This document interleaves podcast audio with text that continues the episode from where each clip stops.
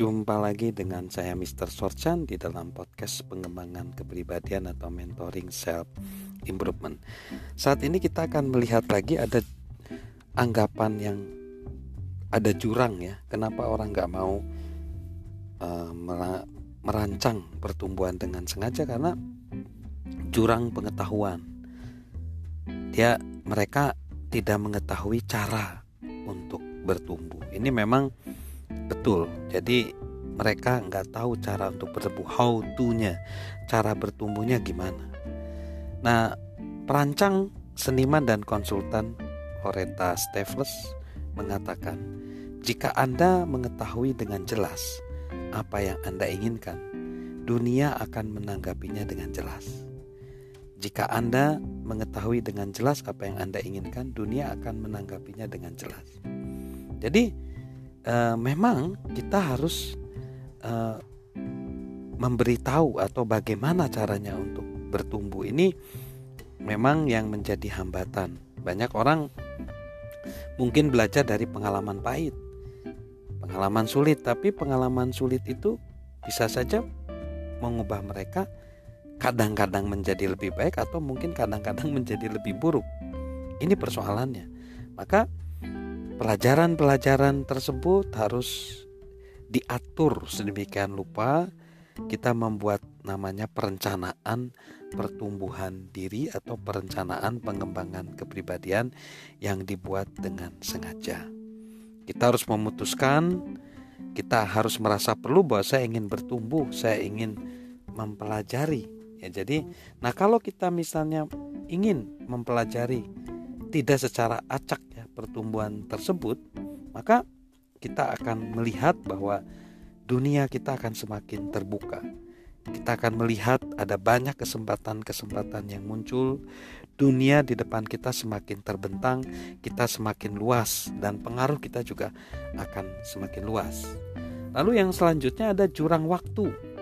Seringkali kita menganggap ini bukan saat yang tepat untuk kita memulai program pertumbuhan atau program pengembangan kepribadian. Nah, kita ingat eh, kata-kata ini ya, yang sering kali juga saya kemukakan tentang bagaimana cerita ada so selima ekor katak duduk di atas sebatang kayu Empat di antara katak tersebut memutuskan untuk melompat. Ada berapa katak yang tertinggal? Mungkin pertama kali tebakannya satu, tetapi jawabannya salah. Tetap lima, lima katak yang ada. Mengapa? Karena memutuskan itu berbeda dengan melakukan. Jadi, memutuskan beda dengan melakukan. Nah, ini artinya seperti yang dikatakan oleh politikus Amerika Frank Clark mengatakan demikian. Betapa besarnya keberhasilan yang dapat kita capai bila semua orang melakukan apa yang mereka rencanakan. Apabila semua orang melakukan apa yang mereka rencanakan. Sebagian besar orang tidak bertindak secepat seharusnya. Mereka tunduk pada hukum pudarnya niat yang berbunyi begini. Semakin lama Anda menunda untuk melakukan sesuatu yang seharusnya Anda lakukan sekarang, semakin besar kemungkinan bahwa Anda tidak akan pernah melakukannya sama sekali. Semakin lama, lama Anda menunda untuk melakukan sesuatu yang seharusnya Anda lakukan sekarang, semakin besar kemungkinan bahwa Anda tidak akan pernah melakukannya sama sekali. Jadi, ketika kita merancang rancangan pertumbuhan pribadi atau pengembangan pribadi, kita harus segera melakukannya karena memang kalau menunggu saat yang tepat mungkin itu tidak akan pernah tercapai.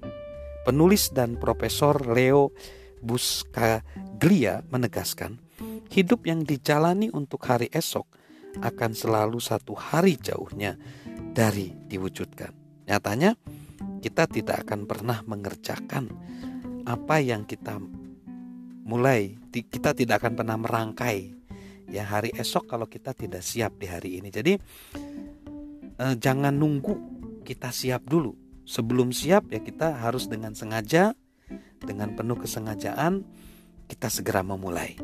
Nah, jadi ada dua jurang yang menghambat kita membuat atau merancang program pertumbuhan yaitu jurang yang pertama uh, jurang pengetahuan kita nggak tahu caranya gimana dan jurang waktu kita sering berkata ini bukan saat yang tepat untuk memulai padahal memang tidak ada saat yang tepat kecuali saat ini salam sukses luar biasa dari saya Mr. Sorjan